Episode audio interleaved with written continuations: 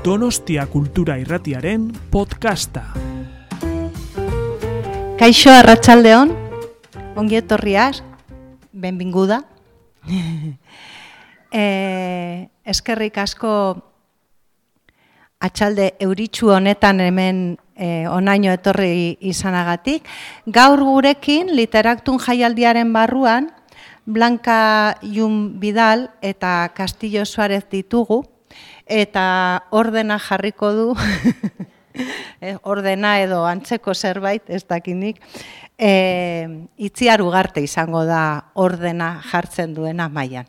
Eta e, daukago ere bai xuxurlariaren laguntza blankari e, euskeratik katalanera itzultzeko. Ordun, e, labur labur mm, esan bezala e, saio hau literaktun jaialdiaren barruan kokatzen da, eta saio hau aiegatzen da okendo kulturetxera ba, etxe pare e, institutuari esker, beraiei gabe, hau ezinezkoa izango litzakelako. Eta gurekin ere, hor txokoan, orain eserita dago, baina gero ikusiko duzu, ales aro dago, ales aro, e, ales musikaria, e, berak, ba, itzei, musika e, jarriko die ba, pixka bat e, atxalde euritxu hau gozatzeko. Izango da gero e, galderak edo nahi dezuena ba, egiteko, eta besterik gabe aprobetsatzea mm, txarreran uste dut asaldu dizuetela QR bat daukazute programan, ba, hor e, bolada batean egongo dira ikusgai Blankaren e, poemak e, itzulita, bai? Baina bueno, gaur zuzenekoa, ba, bizitzeko, gozatzeko eta disfrutatzeko gaur okendon eta hurrengo egunetan e, beste saioetan eta bueno, ba aprobetxatuko dut ere bai, ba etor zaiteztela e, atzo ireki genun erakusketa ikustera Mikel Laboa e, liburuzkoa benetan merezi duelako. Vale. Mila esker zuen txanda. bueno, akaixo da ratxaldeon, zaiatuko gara ordena, ordena jartzen. E, bueno, dakizuen ez, hori literaktum jaialdearen barruan gaurko proposamena da poesiaren eta maitasunaren artean aritzea, eta bueno, horretarako bideo batez, zubi bat altxatzea ere bai Euskal Letren eta Letra Katalanen e, artean. Gure proposamena da pixka solasaldia eta irakurketa uste hartzea, proportzio beretsutan, hor da, bueno, bajarreko dugun martxan pixkat e, bipo eta hauen e, lanan irakurketa, eta eta diskursoa ere bai pixka batez, zagutzeko apurra bi aldetatik edo euren lana. Hasiko naiz aurkezten labur labur pixkat e, manortzuk diren. Eta, bueno, epatu duan baiak, baina gogora ere bai, galderatako txanda zabalduko dugula bukaeran, betikoa kosta egiten da, baina, bueno, ematzen zaituztegu, gero txarra izaten da, etxera eramatea galdera, eta ausartu ez izanaren zentzazio hori ez. Hor da, bueno, ba, hori geroko.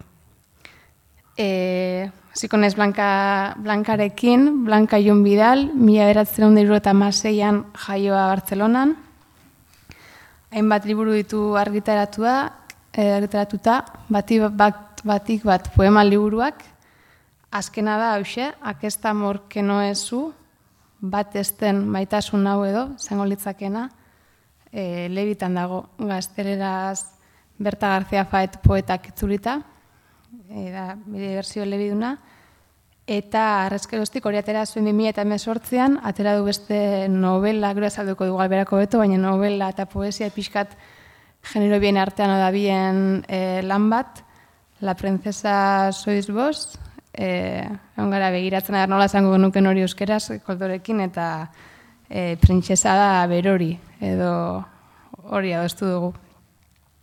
Itzulpen lanak ere plazaratu ditu, eta igazketa jarduna ustartzen du ba, e, gizarte zitzaia ere bada, gizarte langilea barkatu, eta pixkat bi, bi frontoietan edaritzen da lanean.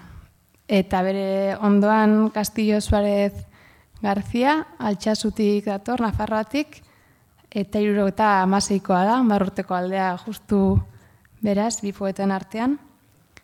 E, ugari dira, Kastillo karretaratuta dituen e, lanak, behiratu dut lehenengoan mila beratzen dela eta meretzean iruñeko udalak emandako amodio galduak eta ekarri dute ipamena izenburuagatik, e, ba, urte batzuk. Eta azken bi poema liburuak dira irautera eta alaska, 2000 eta emeretziko alena eta aurten gotxaian argitaratutakoa ba, berriena. Eta urteak dara matza idazketa jarduna Euskara Teknikari lanarekin ere ustartzen. Eta, bueno, pues, orkezpenak egin da, duko diogu gaiari, poesia eta maitasuna, kabatzuk ere jarri dituzte hor parentesi artean, poesiak eta maitasunak, eta nire lehenengo brutapene esan zen, pues, irudi lezakenan kontrara oso dela arriskatua, ez? Bi kontzeutu horiek e, lotzea. Baldin eta bentzat, bueno, na, saiestu gura bada, baleku oso maiztutan erortzea, poesiaren irudi oso topiko batean erortzea, ez? Erlazio aski maiztua delako, seguruen nik adozengo gara hortan. Ordan hortik hasi nahi nuen pixka bate, bueno, nola ikusten duzuen zuek aderra doza duten, arriskatu den autua eta nola, bueno, nola sumatzen duzuen zuek erlazio hori gaurtik, mila eta irugarren urte honetatik. Buenas noches. Uh, muchas gracias a todos y a todas por, por, estar aquí. Me encantaría corresponder en euskera, pero no, no sé. Y también agradezco el susurro. Uh, bueno, para mí no, no, hay ningún problema, de hecho, en unir poesía y amor en pleno siglo XXI. De hecho, más bien al contrario, creo que es casi revolucionario seguir hablando y seguir uniendo estas dos acciones o estos dos conceptos, ¿no? después de siglos y siglos de poesía amorosa ¿no? y después de haber leído, pues según qué obras. ¿no? Yo ahora, ahora mismo pienso, por ejemplo, en, una de las obras que he trabajado especialmente, que es la del poeta medieval, Ausias Marc, ¿no? y cuando lees pues, esa manera de dirigirse a la amada, piensas ya no se puede decir nada más. ¿no? Pero en cualquier caso, si es un tópico hablar de poesía y amor, uh, o si hay algún riesgo, pienso que también es positivo si es un riesgo, ¿no? porque un riesgo en definitiva implica un reto, ¿no? y un reto son posibilidades, ¿no? múltiples posibilidades de afrontarlo, de vivirlo y en definitiva de escribirlo, ¿no? Pero parece aún que nos da un poco de miedo, ¿no? Seguir hablando de poesía y amor y la pregunta sería ¿de qué tenemos miedo, ¿no? De, la repetición, ¿no? de, hacer variaciones sobre un mismo tema. Y claro, si es así, ah, me pregunto si realmente el amor es un tema cerrado, delimitado, del cual ya no se puede decir nada más o nada, o nada nuevo. ¿no? Yo creo, evidentemente, que no, si no, no estaríamos aquí. Ah, y cuando nos hacen esta pregunta, al final yo creo que la pregunta que nos tendríamos que hacer es sobre la naturaleza del amor, ¿no? porque en el año 2023, pues el amor ya no solo es el canto a una Laura de Petrarca, el canto a una musa idealizada o incluso tampoco tiene que ser el canto a una relación exclusivamente entre dos, ¿no? Uh, yo diría que las posibilidades del amor uh, se amplían bastante, ¿no? las posibilidades éticas y políticas en la medida que el amor uh, deviene algo mucho más amplio. ¿no? De hecho, yo para mí y para mi forma de escribir es una manera de abrirse, de acercarse al otro y de estar en el mundo, en definitiva. ¿no? Uh, y la pregunta sobre qué es un poema amoroso no me parece en absoluto obvia. ¿no? Creo que va mucho más allá del amor clásico entre un amante y una amada, o, o entre dos amados o, o, entre dos amadas. ¿no? Creo que nunca dejará de tener vigencia.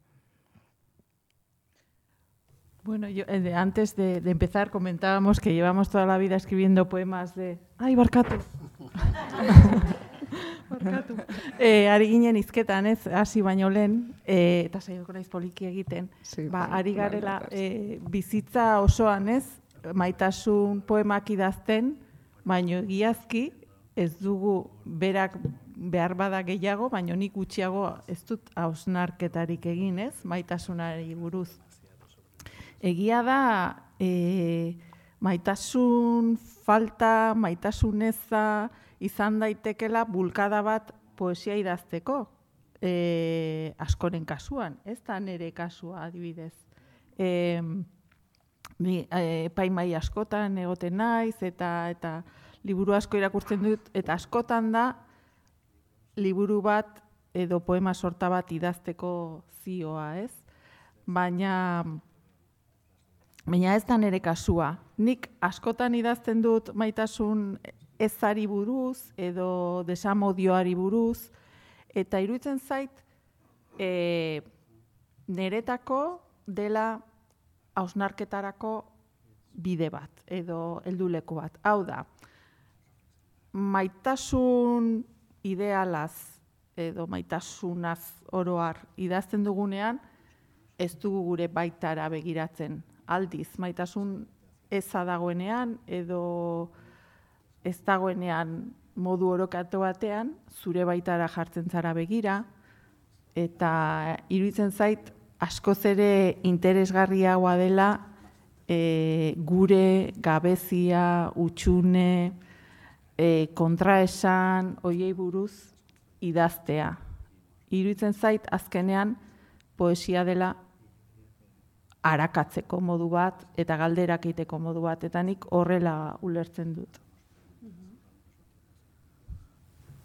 Nekarren apunte bezala edo ginen prestatzen hau, e, bueno, bal, blankaren kasuan oso agerian dator eta berak epatu du ere bai beritzetan, ez? E, bueno, errebindikatzen duela edo badala pixka gaina erronka bat, maiztua dago orduan helduko dut eta ea zertz berri edo hitz berri edo irudi berri topatu aldizkioan gaurtik, ez? Hola, hola interpretatu dunik.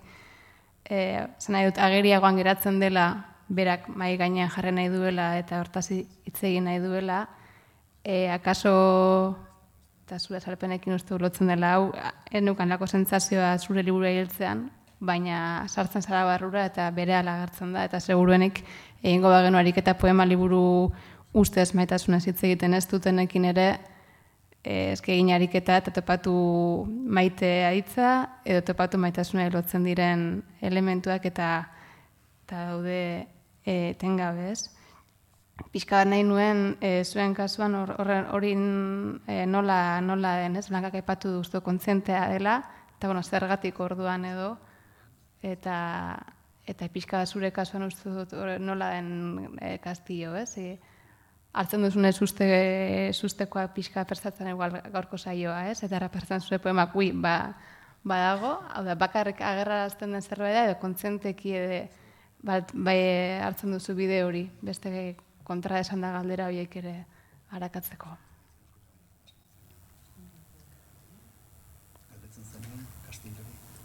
Bueno, bi bai, fazinez, bai. ni pixkaia darkatzen, eh? E, baina nahi baduzu, eh? Nora den zuen kasuan, pixkatu daran kontzentea, nora hartzen den kontzentea, eta nora arte den e, intuitiboa edo, ez? Gaiaren agerpena. Bitxia izan da, ze karo, I, hau sola esaldia eta irakurketa zen, ez? Eta aukeratu behar genituen irakurtzeko poemak. Eta egin dut, pun, maite, maita, bilatu. E, nere oso ordenatua naiz, eta arduan egin dut bilaketa hori. Eta izugarria da, zenbat aldiz, aipatzen dudan maitasun hitza. Keni da euskata azpimarrak eta borobia zuen liburuan, eta etzen, bueno, gehateko naiz, beste pila baten agertzen da bai.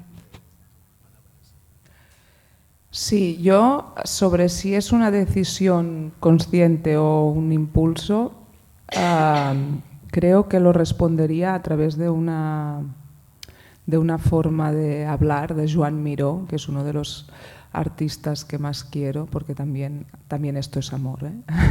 o sea, también llega aquí.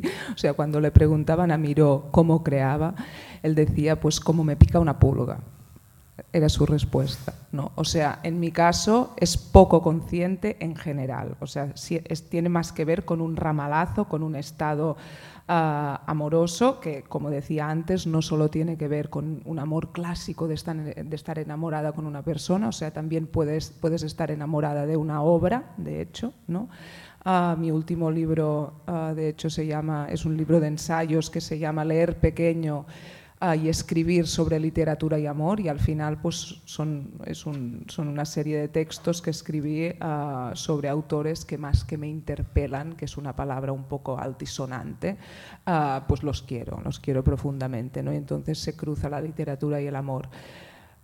y el amor aparece en general de forma Pues así, como pues en forma de una palabra, una idea, de una imagen, y a partir de ahí todo fluye. Yo cuando escribo sé por dónde empiezo, pero nunca sé dónde voy a terminar, excepto en dos casos, que son los, los dos libros que he traído aquí pues para esta ocasión, que sí que el amor está pues quizá más tematizado, ¿no? En, en, este amor que no es uno, que este amor que no es u, es un diálogo con el cantar de los cantares, o sea, ya me fui a buscar el poema de amor, ¿no? Uh, y pues tuve pues, un, como un diálogo con este poema, ¿no? reproduciendo un poco la, la, misma estructura en ocho cantos, la misma división estrófica, y lo que me interesó de, de este, del, del, poema bíblico es que en la, una cosa que han hecho las traducciones que no hace el original hebreo, es marca, o sea, las traducciones van marcando los pronombres, de manera que parece que es una historia de amor entre Salomón y Sulamita y está todo muy normativizado y es una historia entre dos.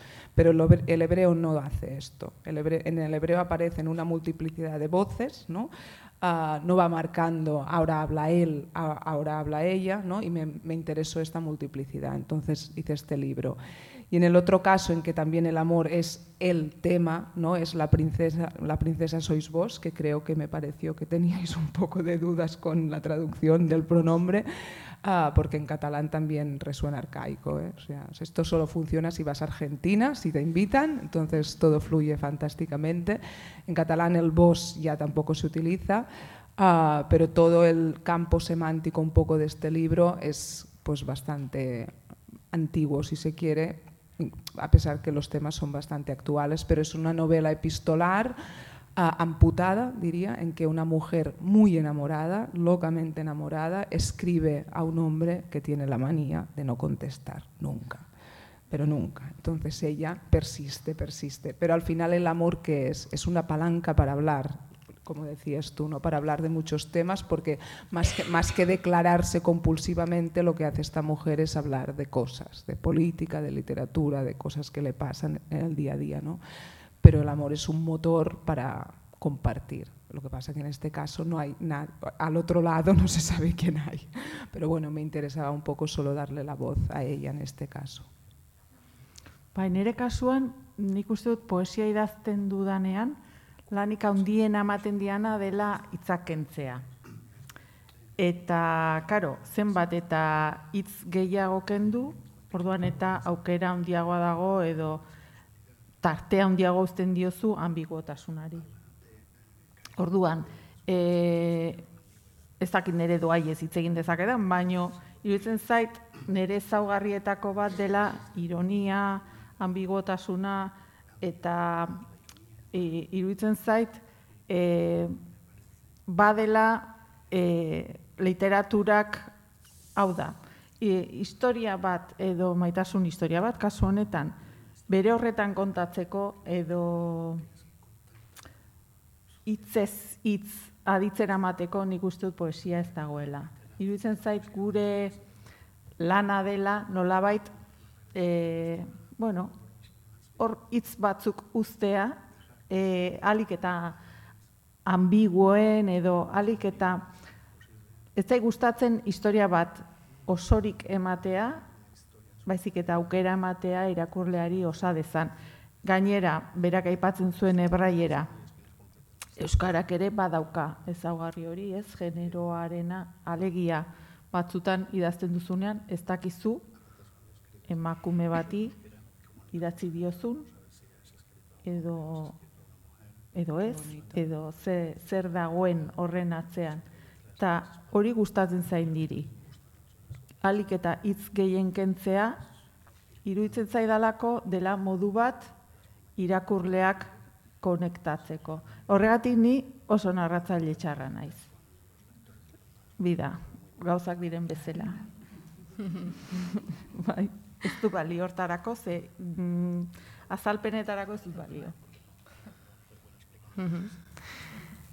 Nahi gero nire pixka gaurko topak eta hau aprobetsatu bueno, bi egie emateko aukera behiratzeko gaurtik e, euren ibilbidea, ez? Halako momentu bat zaner badira, ui, geratu eta gauza bat pentsatzeko baukera ba, ematen diguten momentuak, eta hori nahi zuen galdetu.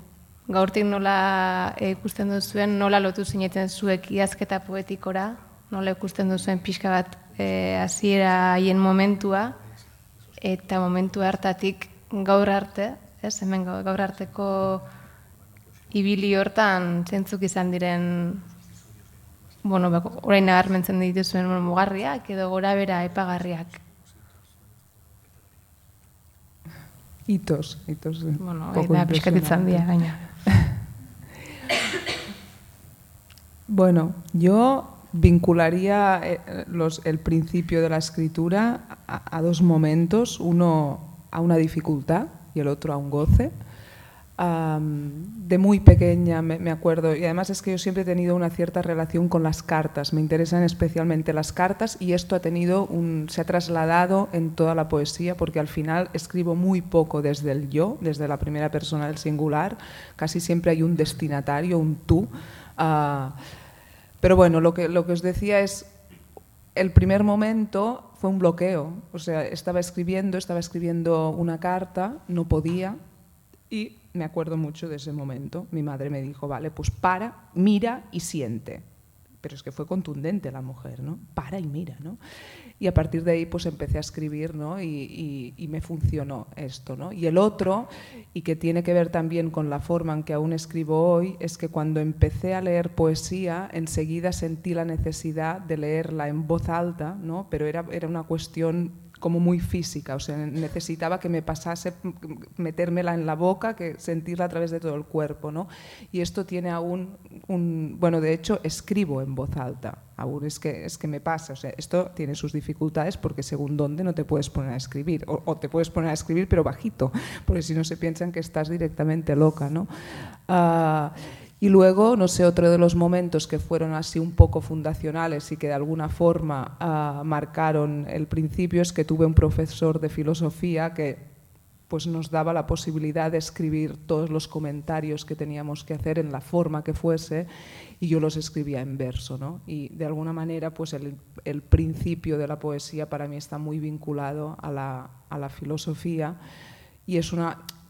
de alguna forma quise hacerle un tributo en este último libro, ¿no? que es un libro que, en el cual aparecen muchas mayúsculas, ¿no? mayúsculas como esta marca de los grandes conceptos filosóficos y existenciales, ¿no? la muerte, la existencia, la angustia, y a la vez aparecen pues, conceptos más pequeños, cotidianos, pues la silla, el vaso, ¿no? pues también marcados en mayúscula, ¿no? como para ponerlos en un mismo nivel de importancia existencial, y todo esto pues, para un poco pues como un homenaje a esos inicios de la poesía. ¿no? Y a partir de aquí pues empecé a escribir. Empecé a escribir. Uh, yo sí que he pasado en algunos momentos por la narrativa, pero tampoco me considero muy buena narradora. Tengo el riesgo de que la cosa se va cortando en versos y eso puede hacer gracia, pero es un problema cuando te pones a escribir narrativa. Y, y no sé.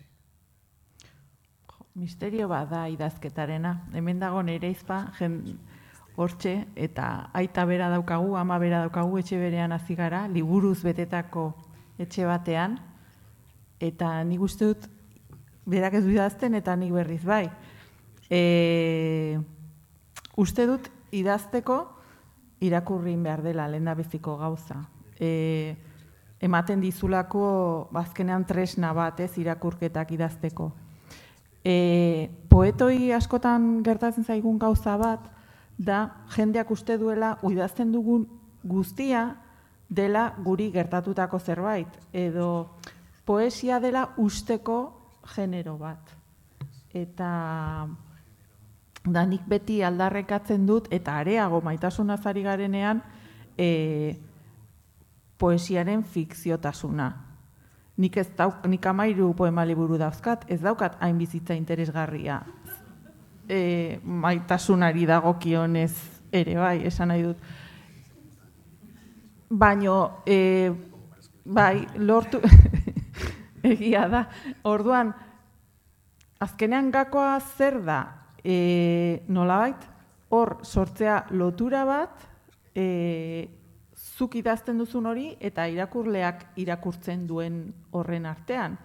Eta denok bizi izan ditugu maitasun egoerak, maitasuna, maitasunik gabeko egoerak, eta hor hor dago literaturaren misterioa eta askoz gehiago ez duke jakingo azaltzen, baino bai mm, kontua ez dela gure bizitza zidaztea, baino bai bizi egin behar dela ongi idazteko.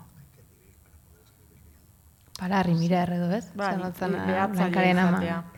No, sí, pero es interesante esto que dices porque, claro, si, si, te obsesionas en escribir sobre el amor, parece que tengas una experiencia amorosa en la vida que no se acaba nunca y no tiene por qué ser así.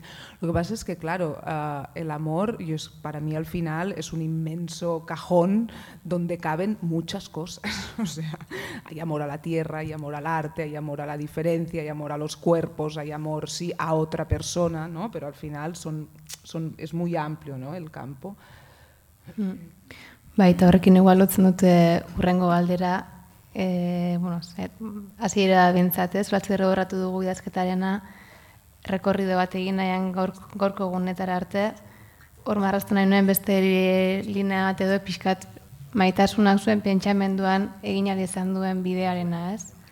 E, bueno, jaso dugu eziketa bat, kulturala, ba, belaunalden arabera igual erregioak izan du pixu bat, edo bestelako baldintzek konfiguratu dute gure maitasuna pentsatzeko modua azken urteetan asko ekoitzi da feminismotik ere bai politizatu da, ez? Asko maitasunaren gaia zuek nola bizi duzu pixka pentsamenduaren planotik maitasunaren ez dakit identifikatzen duzuen hor e, evoluzio bat edo ondenik zuengan.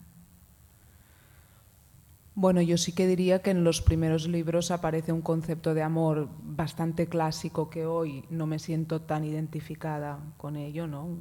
Una cosa muy unidireccional, incluso hasta cierto punto posesiva, ¿no? Es decir, además hay palabras que hoy en día ya no tocan, ¿no? Pero, pero que sí, hay algo de eso y luego ha ido evolucionando hasta ¿no? escribir un libro que se llama Este amor que no es uno, ¿no? Uh, y que de alguna manera todo está bastante todo influido por la idea de la, de la poeta rusa Marina Tsvetaeva, ¿no? que dice que quien ama una sola cosa no ama nada. No, yo diría que este es el, el sí, la idea de amor que está presente pues más en los, en los últimos libros. Bai, ni ados nagorrekin, maitasunaren ezinbestekotasun hori nik uste dut idazten dugun guztiongan presente dagoela. Eta poesiari dagokionez, azkenean e, poesiaz idazten, poesia idazten dugunok lau gai ditugu.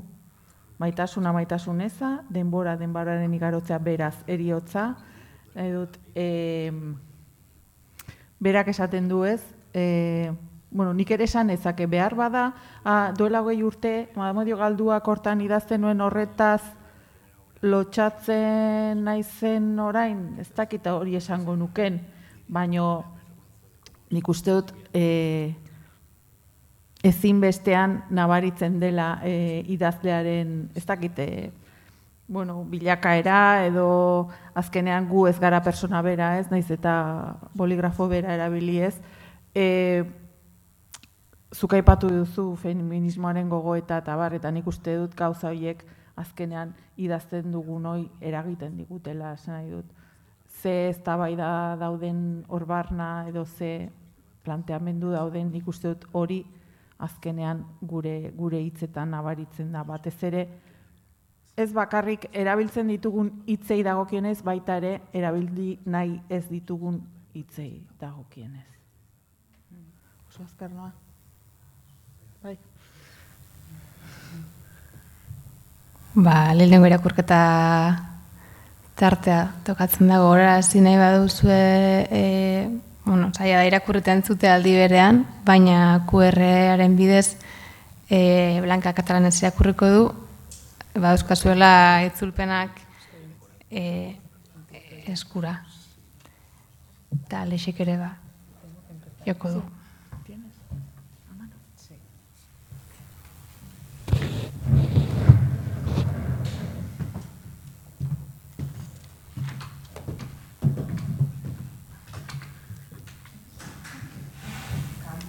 a cambio de sitio.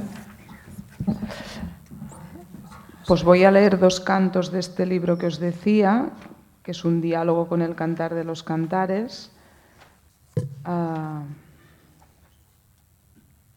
que dice así. Que m'ompli de llengües el teu mot, que un cant teu canta més que dica més, quin cos teu més teu meu, que és el cos meu, un forat per on redir-m'hi és el teu nom, tots et volem, totes endins, agafa'm, Correm junts darrere teu, correm amics, correm gruanta. Obre l'estrella, tu. Obre l'estella i dumi dins. Farem nit, covarem l'ou, serem feliços. El teu amor em posa dos pins a la cuixa i se'n va. Per això s'enamoren. Per això salomons i solamites. Soc blanca, gitana, soc mora, jueva, maríndia, soc negra. Soc ombra i desert, costella rompuda. Soc pols que s'agleva soc roda, rodera, rodona, la ruca que rauca, la roca que rasca i del tot al revés, de fer fora les pors. Soc qui les peix i les cria, qui com paparra volguda es regala, content, una trampa. Els meus germans s'han enfadat. M'han dit apaga i jo he bufat, punyet amunt i el fot s'escampa. Digues on, d'hora baixa, llegeixes tan sol, que jo vaig, lletra torta, entre els fulls que no tinc i una pena que canta. Si tu no ho saps, o dona que crida, segueix el silenci que fa quan s'amaga i busca el seu mal vora el mal d'altre. A l'espelma de trenes d'espelma et comparo, amiga meva. Que boniques les pigues que es perden. Quina ferida als teus ulls, amb els aubons que s'hi claven. Et farem remolins al clatell amb saliva mesclada. Mentre és a casa seu, estarrufat de mil nits i amb l'angoixa ben feta, la mar meva l'estima, l'ofega, l'estimba, l'ofega. El meu amor és un còdol que es trenca, que fa nit entre el tall de la cella. És un bosc de garroba i d'ullastre i d'orquídia salvatge. I que n'ets d'infinit, amiga meva, i que n'ets d'escarpada. Va alliberar els teus ossos, i com les acreixes, amor, les teves lliçons i la teva mania. El nostre llit fa fer nit, les portes follia i les finestres escàndol.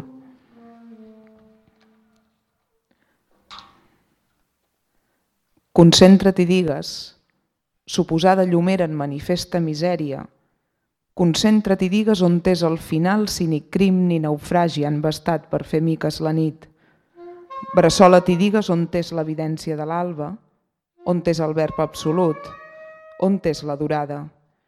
Bressola i digues on es desperta la força, on s'esgota el costum, on se separen jo i tu i per on es busquen Bressola-t'hi digues per què l'impossible et deslliura, per què la paraula et fa d'arca o l'és tota, per què es defensa la pàgina.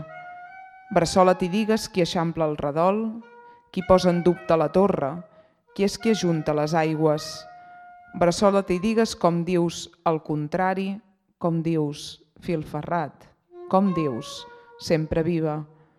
Bressola-t'hi digues si vols el fantasma, si vols una màscara o cap o en vols mil, Bressola t'hi digues, tu que pareixes sentit, si aquella sola carn dins la nit et diu té, et diu no o et pregunta.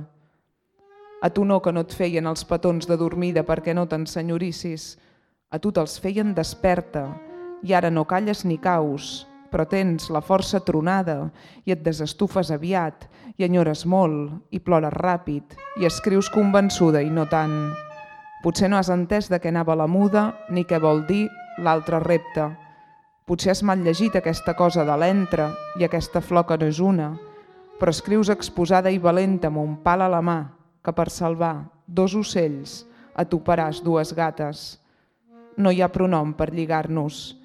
Ens hem confiat a una nostredat estrangera, però l'amor nostre diu teu i diu meu, amor meu, i ens contradiu i se'n riu de la inversió fet enorme.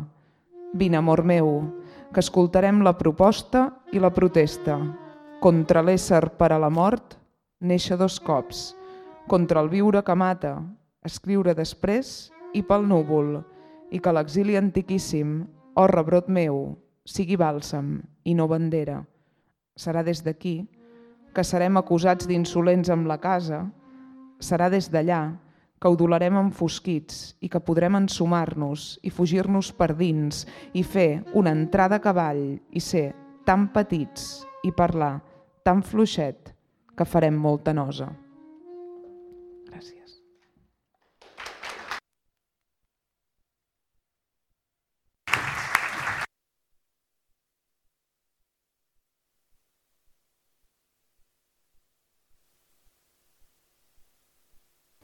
Bueno, nirea poema motzak dira, nitz gutxikoa naiz.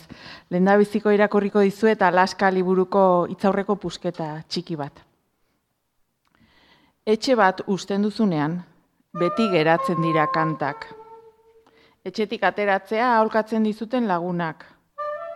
Zein etxearekin geratzea dela honena esaten dizutenak. Etxe bizitza agentzietako iragarkiak. Medikuetarako itzorduak desagertutako hizkuntzak. Norbait maite duzunean, arekin bakarrik erabiltzen duzun hizkuntza sortzen duzu. Lenguaia hori hil egiten da harremana eteten denean. Gure bizia, gure puskak, berriz ikusiko ez dugun jendearen gan uzten ditugu. Horregatik, bizitzea da, maite gaituztenak galtzea eta berriz bilatzea laburresan da. Izan ere, maite gaituztenean sentitzen gara indartsuen, indartsu gaudenean baino gehiago nahi baduzu. Baina euria ustekabean etortzen da, bizitzako pertsona interesgarriak bezala. Eta ezin da ezer egin euria eteteko. Gisa berean, ezin da ezer egin abandonatuko zaituela erabaki duena geldiarazteko.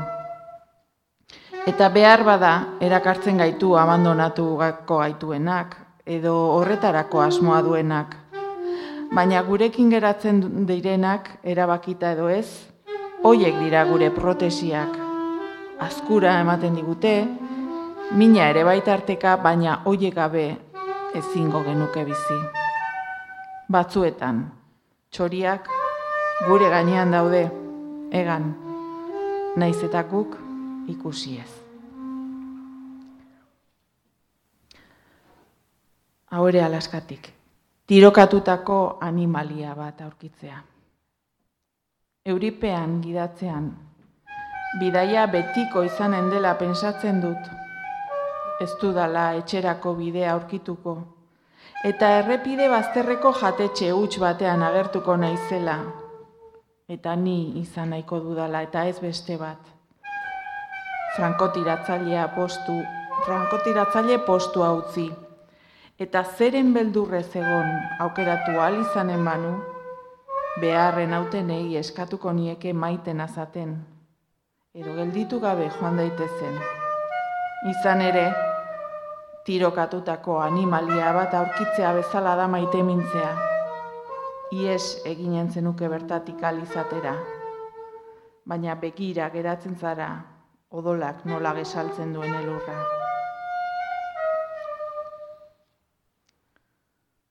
Auto alemaniar bat, hau ere alaskatik. Bi aste behar ditu zauri kirurgiko batek orbaintzeko. Bi urte betetze behar dituzu maite duzu norbait ahazteko. Bi aste eta amarre pari naziztada. Bi urte betetze eta auto alemaniar bat.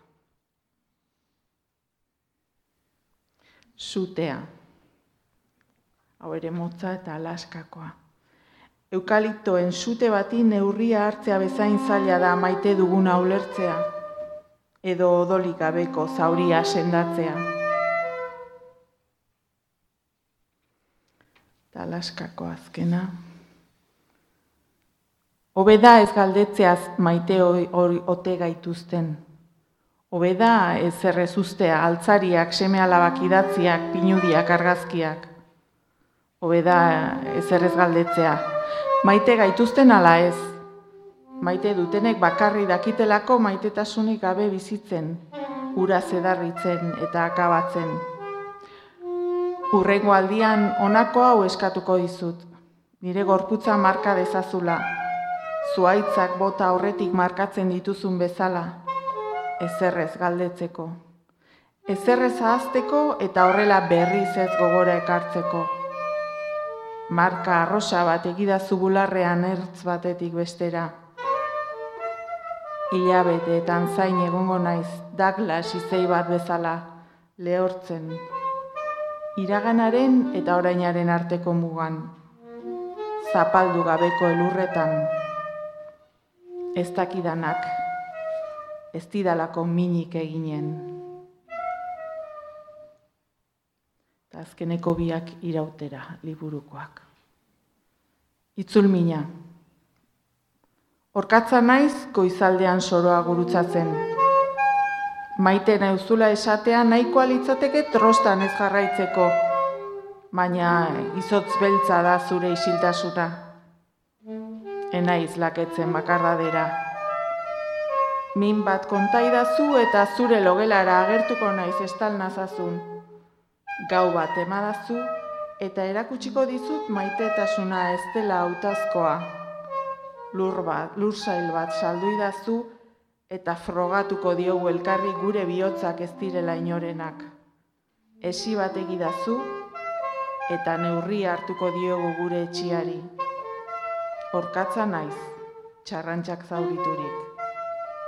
Zure ferekek esan da, dakit bana izena. Eta azkena, prozesionaria abia bat. Maite zaitut, ez duzulako nire iragana ezagutzen.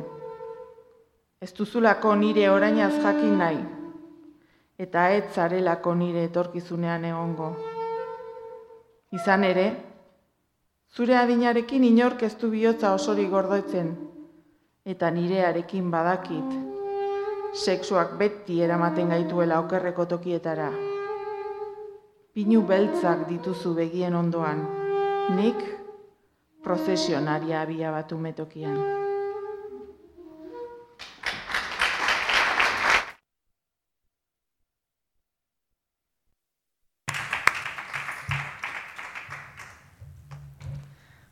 Usto biztan geratu dela gaur kotopaketa hontan oso bi lekutatik idazten duten poetak direla. Pixka bat e, Galdetuko diet orain, galdetu nahi zuet orain formaren bilaketaren inguruan, ez? E, puntatu lehen paperiskinean, esaten ari zinenean kastillo badago la mania bat, ez? E, bueno, narratiaren gertatzen da, poesian ere gehiago lehen persona hori identifikatzeko zuzenean ideazlearekin, ez?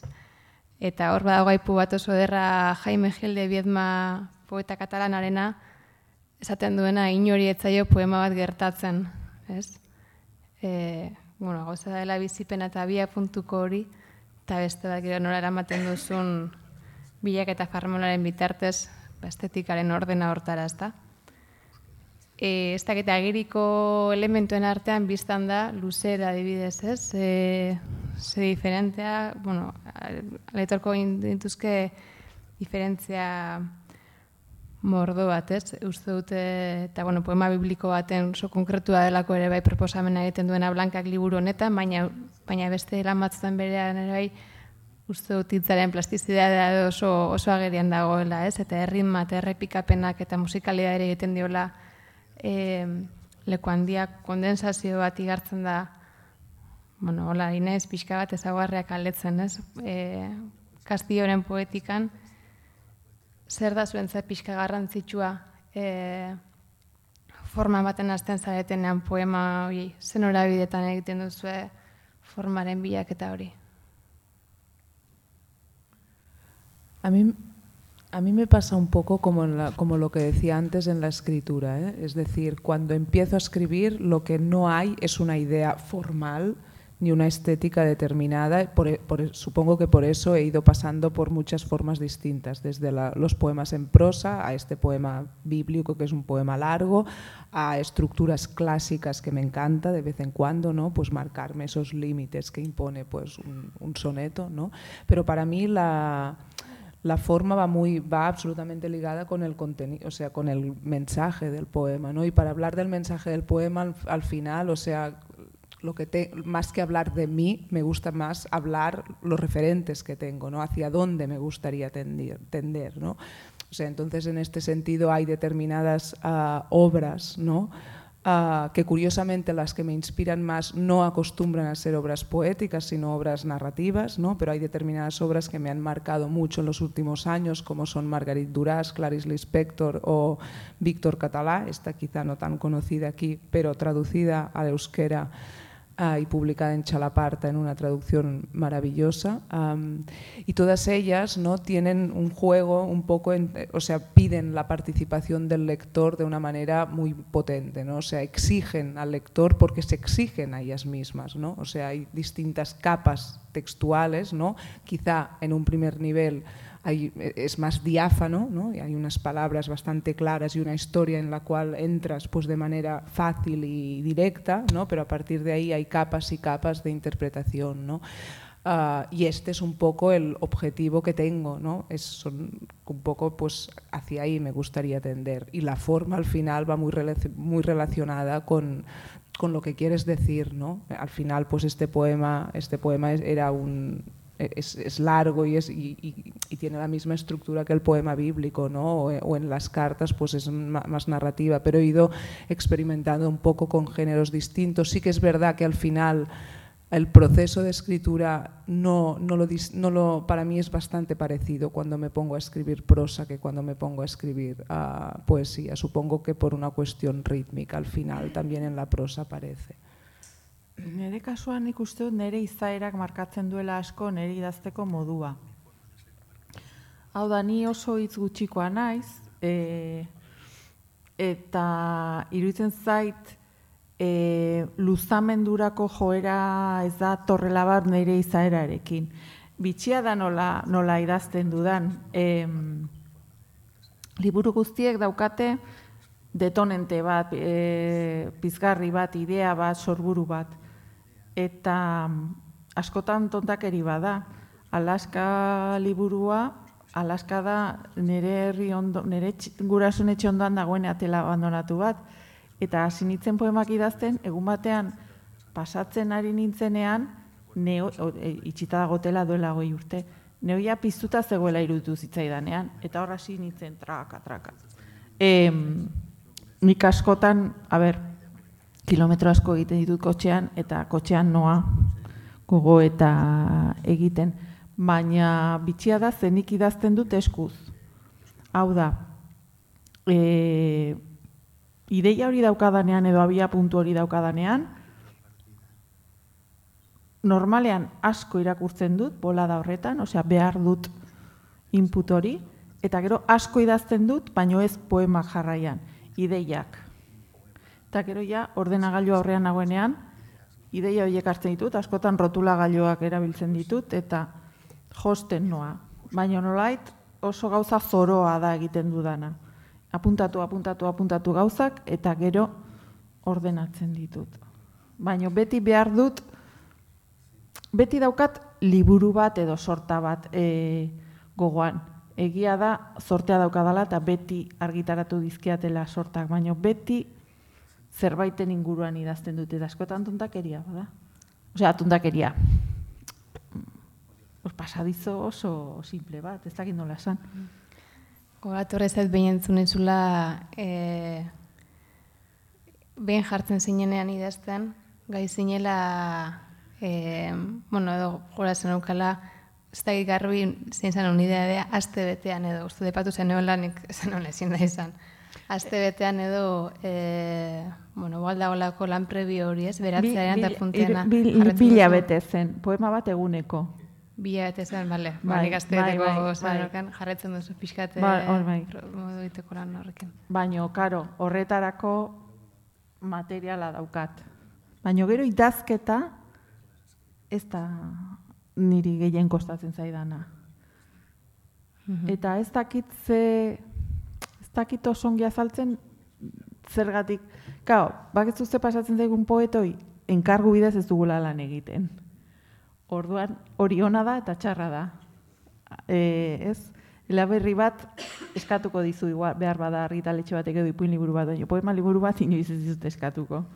Orduan, askatasuna ematen dizu, baino aldi berean, mm, behar bada inoiz ez zinateke hasiko. Bai, zakit. Sí, un libro de poemas por encargo, ya esto. ¿no? Esto sería ya. poemas por encargo, bai, eh? O sea, bai, eh, barkatu. Bai, poemas por encargo, no sé si has dicho tú, baino nik bai. Uh, alguna vez, pero pocos. Gratis, gehienak, no, gratis, no. no, alguna vez, sí, sí. un poema así suelto y tal, sí. Epatu zuet lehenengo pixka bat bilaketak formal hori edo, ez? Eta epatzen nuen niretzat oso nabaria dela lankaren lanean nola egiten duen lan, ba, itza begiratuta uste dut, esan nahi azaragoko e, aukeretatik, e, ez da? E, baina esan nahiaren puntu hortare etzuri nahi nuen, ze uste badela askotan e, poesiaren munduan ez da asko sortzen dituena ulergarritasunarena, ez? eta eta badoz gaude eta ez da bueno, nola esaten den da pixka literaturaren ere muan ba, enporta beharko ligukena, baina bete dago mezu bat edo ideia bat, eta transmititu nahi den hori ez. E, hartu dut pixkat, lehen irakurri duzu justo zutea zure poemako lerro bat, eukaliptuen zute batin neurri hartza bezain zaila da maite duguna ulertzea. Eta egiten dut pixka maitasunarekin hemen gantxoa, ulertzea aditz hori poesian.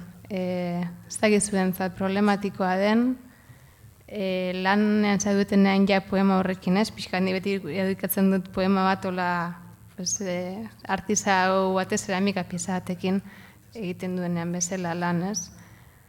Zenbateraino utzi garbi esan naia, e, zenbateraino utzi irekita esan naia, maten dizue lanik horrek,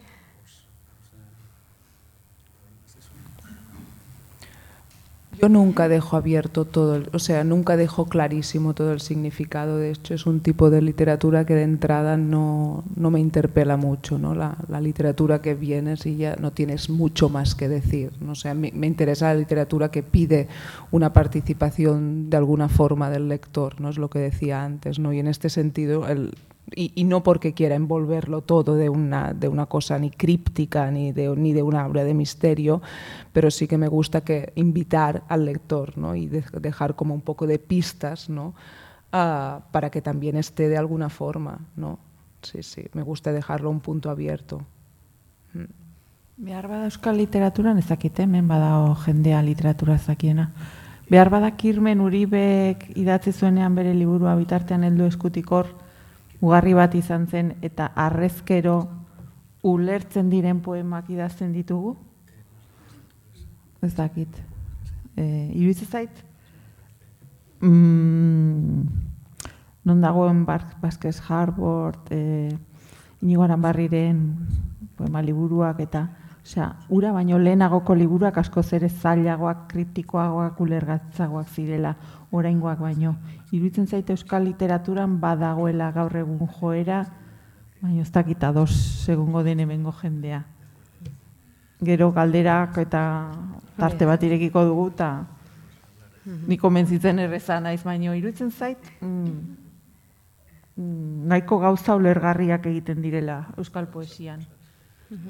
Ez da gizuei bestela e, egile bezala horrekoan beste kontu batean, baina batek esaten zuen arazoa da, eziak izan gaela pixka komentario de testo horren zera, ez? Ez, nahi du egileak honekin, zer, eta horre sortu duela ero egoteko modu bat, godazela erakusketa batera, edo poema liburu batera, edo, eta batzutan ez ulertzearen frustrazio horrengatik pixka horrek espulsatzen duela askotan e, hartzaia edo irakurretaletan askotan kostatzen da, ez? Igual poema liburu bate irakurretzalea den jendearen gan, poema liburu batera adibidez urbiltzeak hori uste dut sagutuko dugula pixka bate horrek molestatzen dizue, lasai dira mazuen, hola bizi duzu hori. No, pero aquí yo creo que también hay un tema de cuál es la actitud lectora, es decir, cómo leemos, ¿no? Porque no solo es qué vamos, qué, qué quiere el autor uh, no dejar a la vista y que no, sino cómo leemos, ¿no? Yo creo que a la hora de leer, o al menos para mí es importante uh, acercarme al texto teniendo en cuenta que es una alteridad.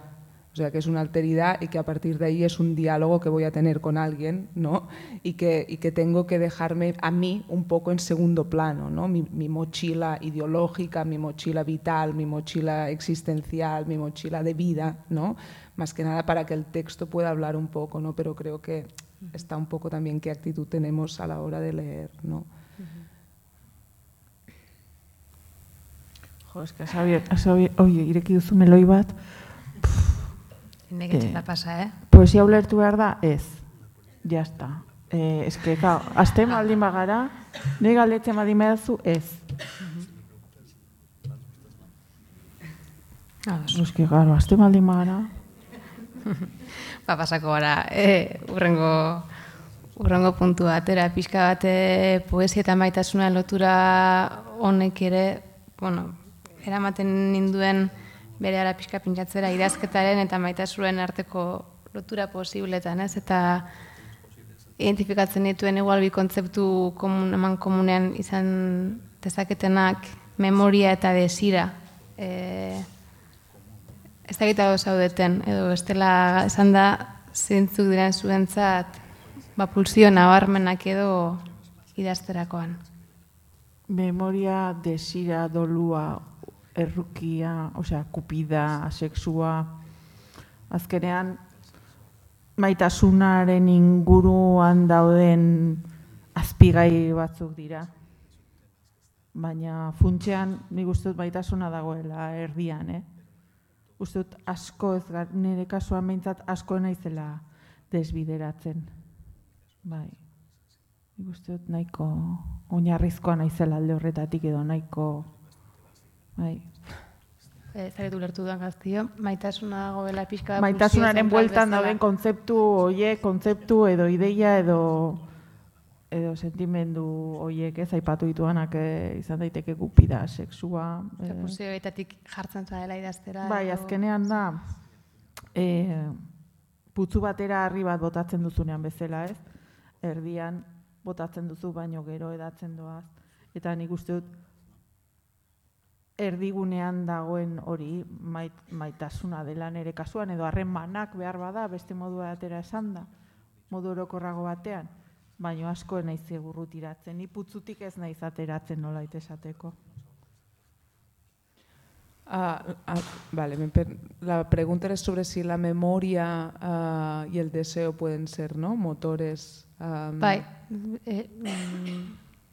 Bueno, en cualquier caso, entre la memoria y el deseo uh, como motores o centros de la poesía, yo también estoy de acuerdo con lo que decías, uh, creo que hay alguna cosa compartida, ¿no? alguna energía compartida y que tiene que ver un poco con la apertura hacia el otro. ¿no? Así como en la memoria uh, no solo tiene que ver con no olvidar, sino creo que sobre todo tiene que ver con reparar alguna cosa, dolorosa, injusta, etcétera, y en este sentido hay una apertura, una apertura ética hacia el otro, ¿no? En el deseo es lo mismo, ¿no? En el deseo hay un intento radical de querer descubrir alguien o alguna cosa, ¿no? También implica pues separarte un poco de ti para acercarte hacia el otro, ¿no? Con, todo lo que representa, ¿no? Con todo su mundo, con toda su historia, con todo su lenguaje, ¿no? Con toda su forma de, de amar, ¿no? Pero quizás son dos gestos en cierto modo paralelos. Ba, ingo dut azken galdera bat, bigarren irakurketa e, irakurketari hasiera eman aurretik eta pixka bat epatu dugu hasieran, ez? E, sarian beba zela intentzioa gaur zubi batera ikitza e, bi literatur munduren artean, jakin nahi nuen nola zubi hori zenbatekoa den zuen zuen ezagutza ze kontaktu duen baikotzak bestearen kontestu kultura literarioarekin nola bizi duzuen distantzia hori edo zubi hori? Jo, nire kasuan ez dakit ibelbide personalaren gati den, edo behar bada idazten dudan gaien gatik, nik asko zere lotura estuagoa daukat, eta ezagutza handiagoa egile galegoena katalalenea baino. Iruitzen zait, e, eta nire liburuen aipuak askotan dira egile galegoenak, nik e, hor lotura zuzenagoa daukat, beti da nik gainera. E, bai, eta iruditzen zait, behar bada izan daitekela nik handi batean naturaz idazten dudalako, nire inguruaz, eta iruditzen zait poeta galegoek, katalanena, eske ez dut hainbeste ezagutzen da, naiz arriskatuko zer esatera, oso harreman zintzoa daukatela bere inguruarekin. Nire kasua hori da. Uh, yo creo que un acto como este es una maravillosa excepción de lo que pasa en general. O sea, esta es un poco mi sensación. Hay pocos puentes, sobre todo en las lenguas que no son el castellano, uh, y los que hay, como los trenes, pasan por el centro en general. ¿eh? Uh, yo siempre me acuerdo de un que, que fue una bueno, es un, un, recuerdo que tengo. Hace unos años me invitaron a Madrid a, a, a, una serie de conferencias sobre la generación de los 80, ¿no?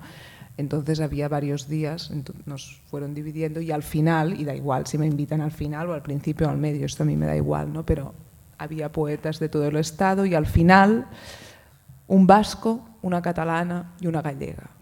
O sea, los apaches metidos todos juntos, que yo no hay ningún problema, al contrario, o sea, me encanta, pero creo que políticamente uh, podría dar más la cosa de sí, ¿no? Y quizá es interesante pues uh, confrontar a alguien que escribe en una lengua que no tiene todo un estado detrás con alguien que sí que tiene toda la maquinaria uh, de un estado, ¿no? Y eso no sé si es que no se atrevieron o no lo pensaron, ¿no?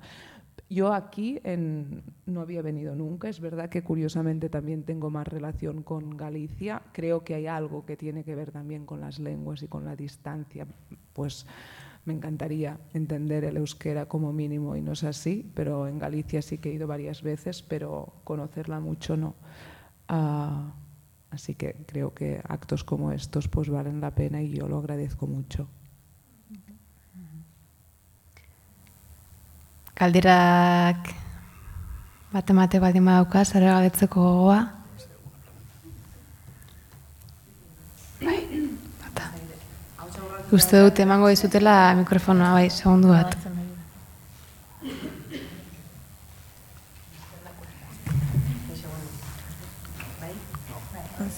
Txone? Bai, bai, orain bai. Bueno, eskerrik asko, eh, danoi, gaurko saioagatik oso, oso interesgarri ezaten ari da. Horentxe zubigintza zari zinaten, eta aurretik itzein dezute eh, alde batetik euskararen genero eh, ezaz, ez? Eh, eh, en fin, euskara zidazerakoan ez dagola zertan eh, zehaztu. Eh, itzein dezu baita ere mm, eh, behar bada poesia irekia edo ambiguotasun batean usteaz ere, eta mm, eta hori, bueno, ba, irakurleari bere horretan emateaz, ez? Eh, arek ere, ba, bere aldetik jardezan. Ze gertatzen da zuen lana itzultzaile baten eskutan uzten dezutenean? Ze hor itzultzailea hor nolabait bitartekari bihurtzen da eta nolako harremana daukazu ez zuek e, itzultzaileekin edo itzulpengintzarekin berarekin. Zenbateraino e, behartuta ikusten dezu zuen burua e, gidaritza bat edo e, nola baiteko gako batzuk ematen, traizionatu ez dezaten zuek e, utzi nahi zenuten poesia, zuen poesia utzi nahi zenuten toki zehatz hori. Jo, lenguan paso zitzaidan gauza bat oso polita horren inguruan. E, itzulpen gintza batean nengoen eta Poloniako poeta bat ari zen ere poema bat itzultzen. Ta Alaskako poema bat zen, eta nik e, idatz utzi nuenean neukan burutan itoizko urtegiak azpian utzitako herriak, baino espreski ez da ipatzen ez Eta idazle horrek esan zidan. Nik hemen, ez, ezetasuna aipatzen duzu, baino nik hemen urtegi bat ikusten dut.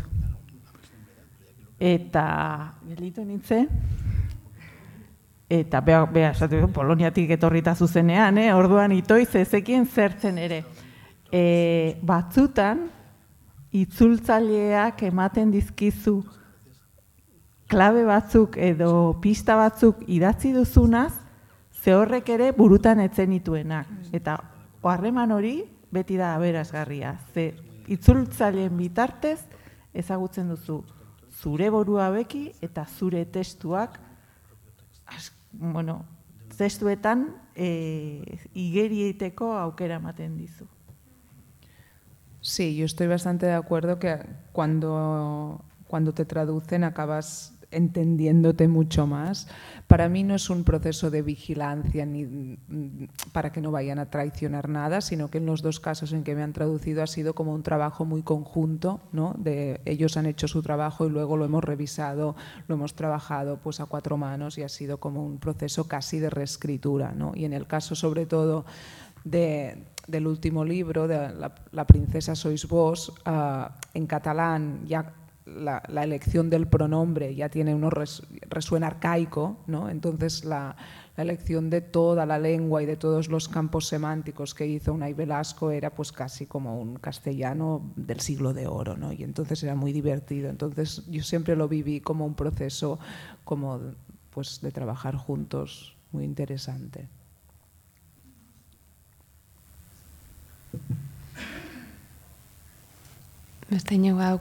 Este galerarik.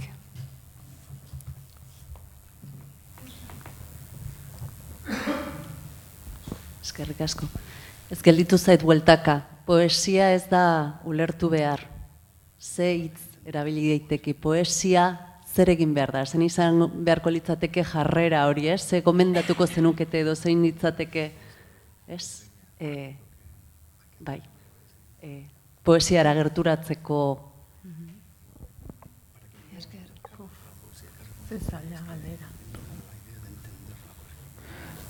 Desmitificarla.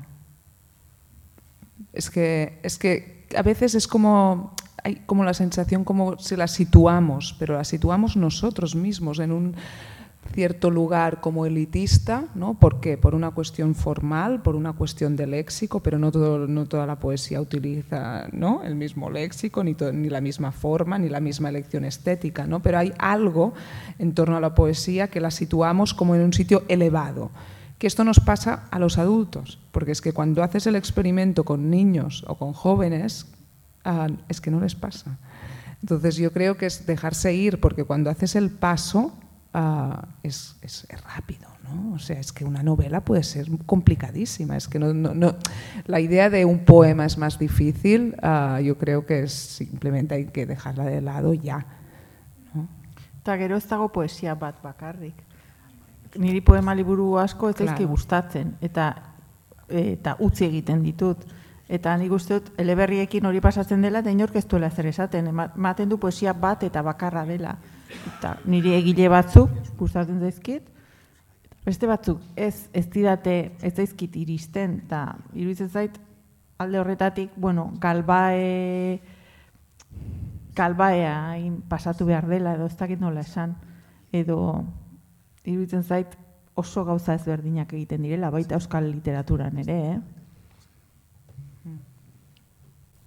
Ni badakitena hola dituta hor erantzutera, baina torre zaite urura eta e, bueno, irakasle batek esaten zuen eta ia oso modan dagoela hitza, baina habitatu egin behar dela pixkate proposamen ez dakizuek hau zaudeten, eh? proposamen poetiko hori habitatu egin behar dela, zuklen blankak hitz egin du erausteaz edo ez, eranzteaz atzeko, edo hori guztia hartuta, zu nola lotzen zaren testu hortara, ez? Poesia mota baterako igual bueno, ez izitxita aukera bezala nik ikusten dut hori izan daitekela. Ba, ez bago beste galderarik, txiko dugu bigarren irakurketa saioarekin. Ez dakit zein hasiko den orain, berriz... Blanka. Blanka.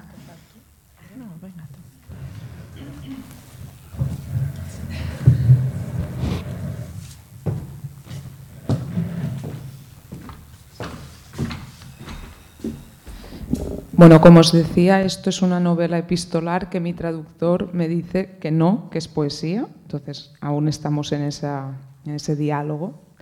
Da igual, me da un poco igual el, la etiqueta. Uh, tenéis el QR, ¿no? Que cosa que también agradezco mucho porque no siempre lo hacen. Uh, dice así, Barcelona 14 d'octubre. A vegades em lligaria vos per l'esquena, i no per la meva esquena tocant-vos la panxa, ni pel meu os de la cua buscant-vos el sexe, ni pel meu cap tapant-vos la boca, no, sinó a vos per l'esquena. Esquena amb esquena per esquivar els ulls de l'escàndol, que és voler-me lligar, abdicada i salvatge i gelosa si cal, del refugi que us té, només a vos. Esquena amb esquena per no veure tot allò que veieu, que també és tot allò que els altres veuen en vos i la manera com vos ho feu vostre. Esquena amb esquena perquè voler-vos per mi no és només un escàndol antic que ressona cruel o que ressona cretí. També és un escàndol invers que el mercat s'ha fet seu. Vos sabeu, com ningú, que quan els marges es venen, a l'estrip i a l'esquerda se'ls fa institució.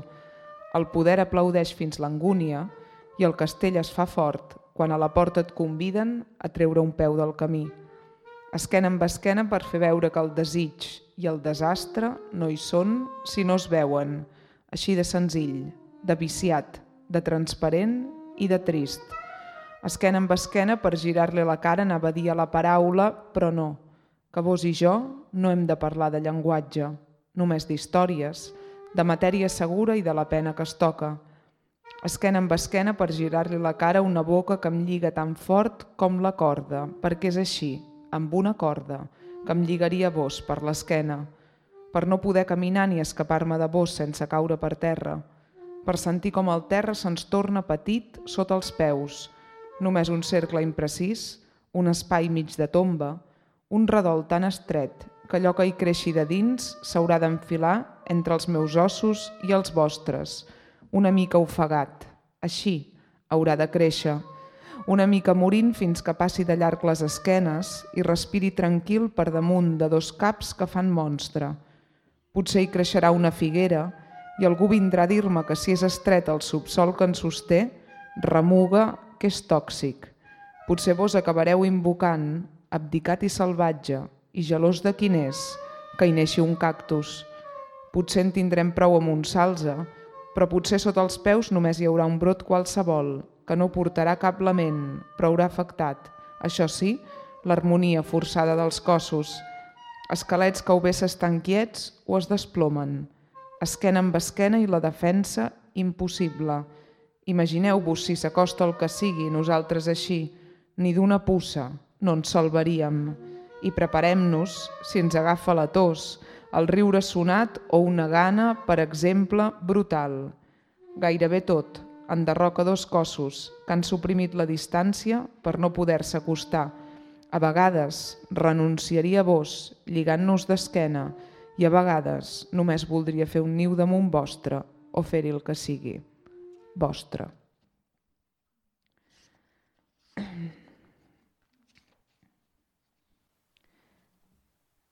Y la otra.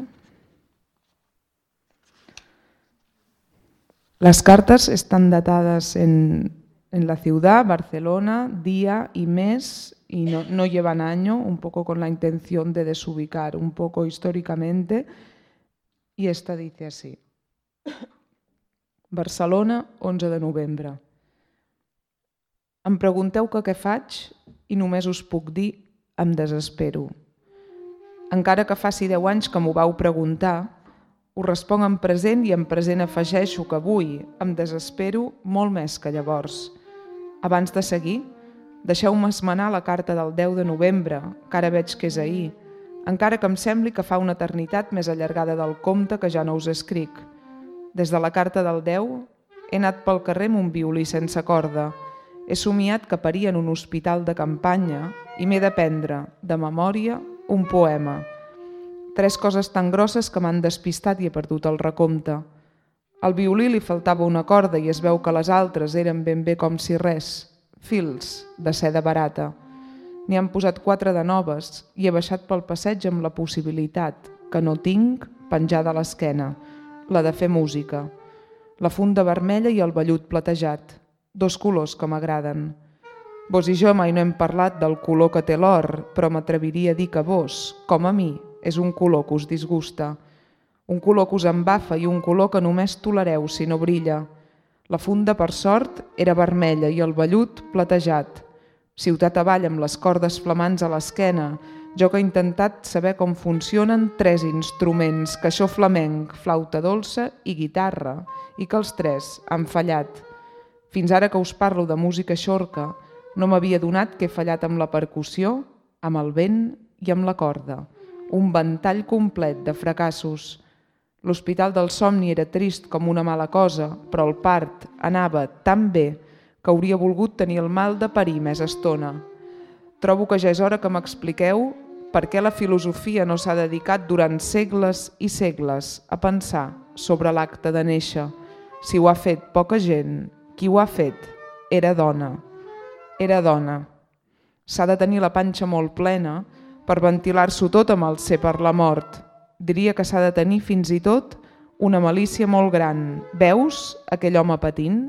aquella injustícia, doncs vas i li dius que paciència, que un únic destí ens unifica i que no es queixi tant. S'ha de tenir molt mala llet per propulsar-nos a l'angoixa final mentre la misèria del món la viuen els vius.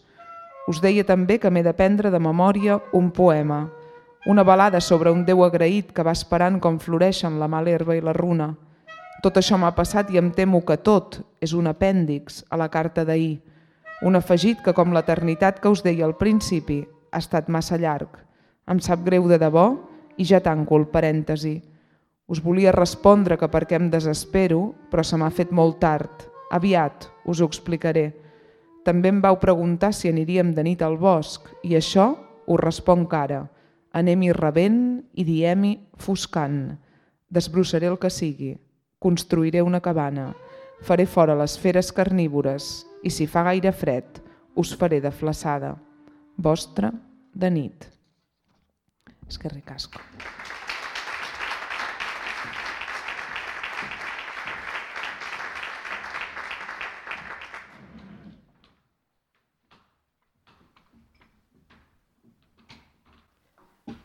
Alaska liburuko itzaurretik pusketa bat. Beti dago norbait falta zaionaz hitz egiten dizuna. Zuk adi entzuten diozu beste utxunearekin zurea betetzeko manera egongo balitz bezala. Ez ezagunekin gertatzen da hori. Aireportuetan denoi desagertzen zaigu aitortzak egiteko lotxa. Eta denoi pasatu zaigu burutik egaldia hartu ez eta hiri ez ezagun batean geratzea denboraldi luze baterako. Baina horrelako bidaietan ez da ezer gertatzen azkenean. Bidaiden minarekin, baita zurearekin ere, zerbait egin beharraz pensatzen egiten duzu bueltako bidaia. Beseler bat izaten duzu eskuartean inork ez diezazun ezer galdetu. Bizitzan, normalean etzaizu ezer gertatzen, eta dena gertatzen ari da aldi berean ez dago maitatzeari usteko une zehatz bat hortaz.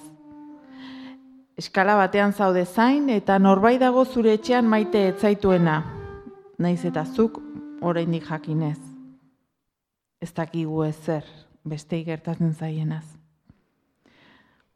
Une horretatik aurrera, abandonatu gaituztenen bizitza da gurua. Haien igeri lekuetan igaritzen ditugu udak, haien ekongelaetan igande arratsaldeak. Goizegi da, handi joateko, eta beranduegi, bertatik alde egiteko. Eta hau autobiografia bat e, alaska liburuko ere bai. Autobiografia. Erakutsi zidaten lehen biziko gauzetako bat igeri egitea izan zen itolarririk sumatuen ezan ondartzetara gerturatzerakoan.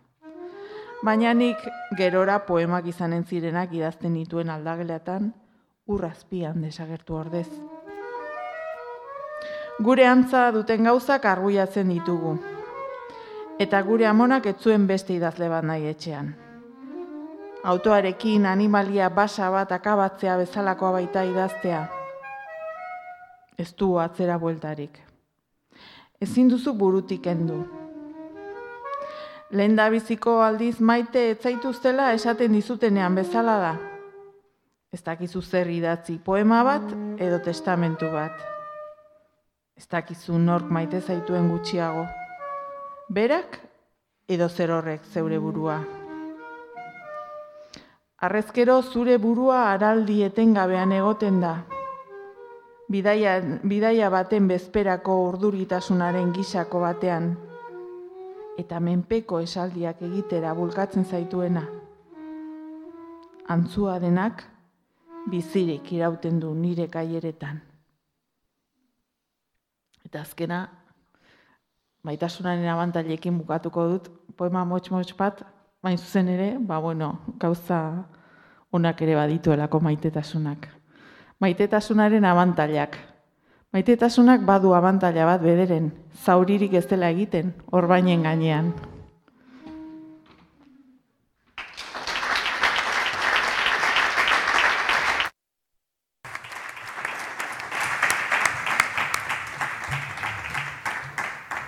Bueno, azkerrik asko txalo bat be Alex Adori. Azkerrik asko koldo biguriri ere, xuxurlari lanak egiteagatik. Eta zeuei, ba, urbiltzeagatik. Ondo izan da, ez da tarte.